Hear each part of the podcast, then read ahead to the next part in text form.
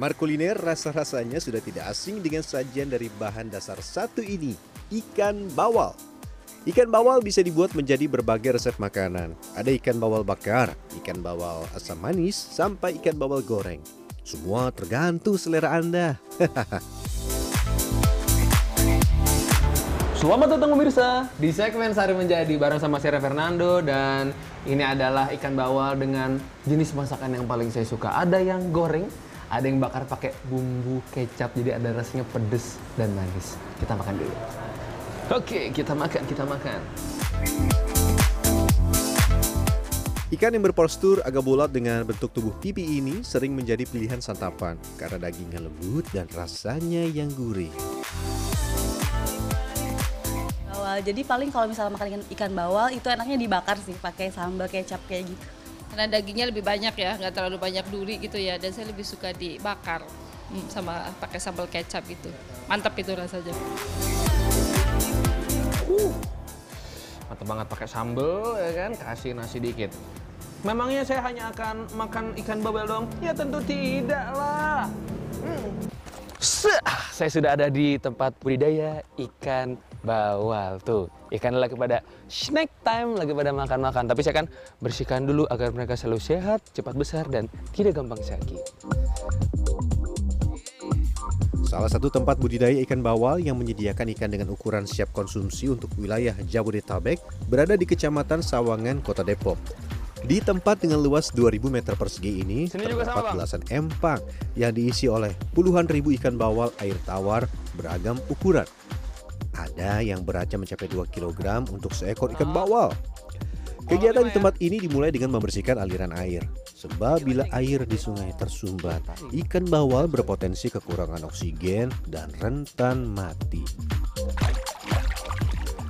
Ayo, kalau Tuh, dua. Yuk. Yuk. Taruh. kalau diam, diam talu. Yuk, satu, dua, yuk. Yuk. Allah. Astaga, keras banget, Rek. Ini 2010. Dan for your information, ini kan ada di salah satu sungai kecil nih. Si pipa-pipa ini tuh jadi kayak connecting untuk air satu sama lain. Jadi selain harus dibersihkan secara berkala supaya air bisa ngalir, memastikan juga nggak ada sampah yang nyangkut. Soalnya kalau ada sampah ikannya gampang mati. Jangan, jangan. Awalnya sekitar tahun 2005, lokasi di aliran Kali Angsana ini adalah lahan tidak produktif. Namun diubah oleh Abdul Malik jadi tempat yang mendatangkan pundi-pundi rupiah.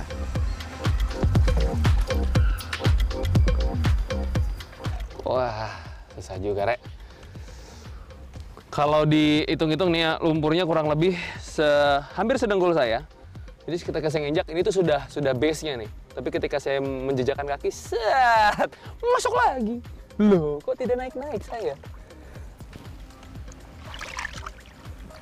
Wah, licin, Rek.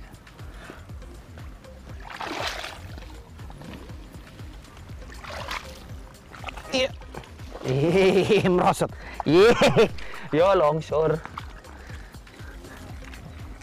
Bentar, bentar. Bisa, bisa, bisa. Selain membersihkan sampah yang menyumbat, kami juga mengganti sekat yang terbuat dari kawat ini untuk mencegah ikan dari satu kolam bercampur dengan kolam lain. Biasanya ikan bawal di tempat ini diberi pakan 2-3 kali dalam sehari. Selain pelet ikan, biasanya ikan bawal juga diberikan makanan sayur-sayuran atau rerumputan untuk menambah variasi pakan ikan. Selain makan pelet, dikasih juga makanan yang dedaunan supaya ada variasinya. Biasanya ini untuk snack mereka. Kalau kebutuhan makanan utama, ya kebutuhan yang utama biasa dari pelet karena sudah begitu banyak kandungan di dalamnya. Tapi untuk snack dan cemilan, nah, ada daunan di daunan ini. Selain kondisi air dan kebersihan kolam, pemilihan pakan yang berkualitas dapat mempercepat pertumbuhan ikan bawal.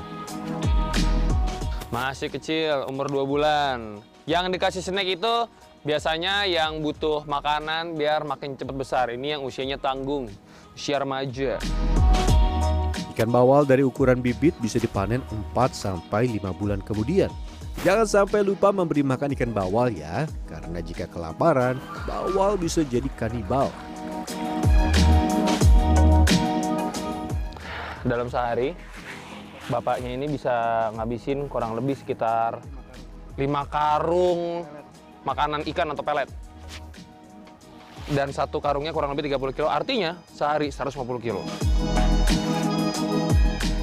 Pembersihan kolam sudah, pemberian pakan juga sudah. Waktunya panen. Tapi saya harus terlebih dahulu belajar menangkap ikan bawal yang sudah ada di bak penampungan. Oh. Gampang banget kan? Oh iya kayaknya gampang banget ini. Ah. Pakai tangan, tiup aja. Gitu. Dia kata kelomang ditiup. Ikan bawal tergolong ikan agresif dan memiliki sirip yang tajam. Walaupun tidak menggigit ketika dipanen, bawal biasanya sulit untuk ditangkap karena licin dan sirip yang bisa melukai tangan. Ketika panen, jangan digenggam terlalu kencang karena ikan akan melawan. Tapi juga jangan dipegang terlalu kendur karena ikan akan mudah meloloskan diri dari tangkapan. Ngegenggamnya jangan terlalu kencang, terus kangkatnya langsung set. Nah, giginya tuh. Giginya ikan bawal tuh. Ar. Badannya besar, sisiknya kecil, aum. Selain bentuknya yang sekilas mirip ikan piranha, ikan bawal juga mirip dengan manusia, yaitu di bagian giginya. Gigi ini berfungsi untuk memecah biji-bijian atau buah serta makanan yang akan dimakan. Oke, waktunya panen di kolam utama.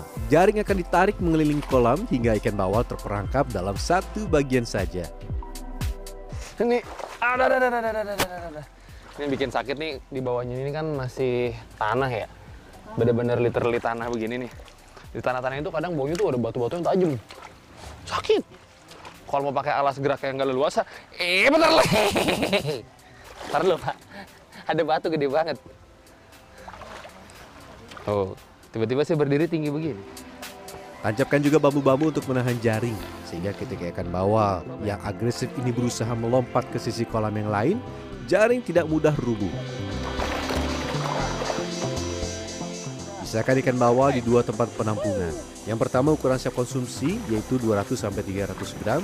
Yang kedua ukuran sangat kecil di bawah 200 gram. Ini kecil gede pak? Gede, Gede ya? lompat. Dek, siapa dek? Ya, ya, ya, ya, ya, ya, ya, ya, maaf, maaf, maaf. Kita lanjut panen lagi. Dia kecil-kecil, tenaganya gede sekali. Tangannya besar.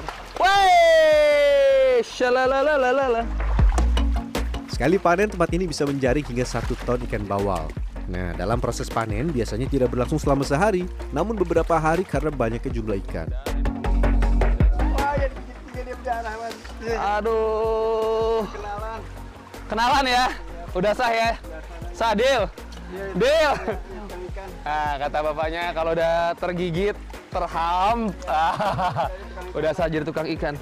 Uh, Dan benar saja, tangan saya terluka ketika proses panen. Untung hanya luka kecil. Oke, kita harus lebih berhati-hati ya. Kemudian timah ikan bawal dan pindahkan ke kolam yang lebih kecil. Ini memudahkan pembeli yang datang langsung ke lokasi untuk memilih ikan bawal yang diinginkan. Tapi ikan yang berukuran sangat kecil atau di bawah standar tidak langsung dijual. Harga 1 kg ikan bawal bervariasi. Bawal berukuran besar sekitar 500 gram dijual Rp40.000 hingga Rp50.000 per kilogram. Sementara ikan bawal yang berukuran lebih kecil sekitar 100 sampai 200 gram dijual 30 sampai Rp40.000 setiap kilogramnya. Selain lezat untuk dikonsumsi, ikan bawal juga digemari oleh para pemancing. Ikan bawal itu agak rakus ya, jadi pemancing itu dia senang dengan tarikannya. Bila di total, omset tempat ini mampu meraup 10 sampai 30 juta setiap pekan. Ya, setiap pekan. Ya, walau memiliki omset fantastis, tidak selamanya bisnis ini memiliki kisah yang manis. Itu pernah kejadian airnya nggak masuk. Kalau ini kan air lancar tuh. Bagus airnya. Nah itu airnya nyumpel, pembuangan nyumpel, ikan mati semua. Pernah mati itu tahun 2019, mati hampir kurang lebih 3 ton itu mati. Dan ini waktu yang saya tunggu-tunggu. Waktunya mencicipi ikan bawal yang telah saya panen. Kalau gurame yang di Empang, beberapa kali kan saya makan itu agak ada rasa dalam tanda kutip tanah ya. Nah, jangan pelit kalau gunakan air untuk mencucinya dan juga tambahkan bumbu-bumbu seperti ada pakai jahe, bisa juga pakai daun jeruk juga ketika lagi diungkep lah dalam tanda kutip biar tidak ada rasa tanahnya tersebut. Dan kalau sudah bersih, sudah clear semua rasanya cenderung manis karena dia masih segar. Wah, oh, hmm. Hmm, ibunya mantap gorengnya crispy. Manisnya pendapatan dari bisnis ikan bawal tentu menggiurkan, termasuk untuk saya. Tapi butuh komitmen dan konsistensi dari hari ke hari untuk menjaga dan memelihara ikan bawal sampai mencapai ukuran siap konsumsi. Nah, ada yang mau coba membudidayakan ikan bawal? Hati-hati ya, terluka tangannya seperti saya. Rian Fernando di Agung Yuljarto, Depok, Jawa Barat.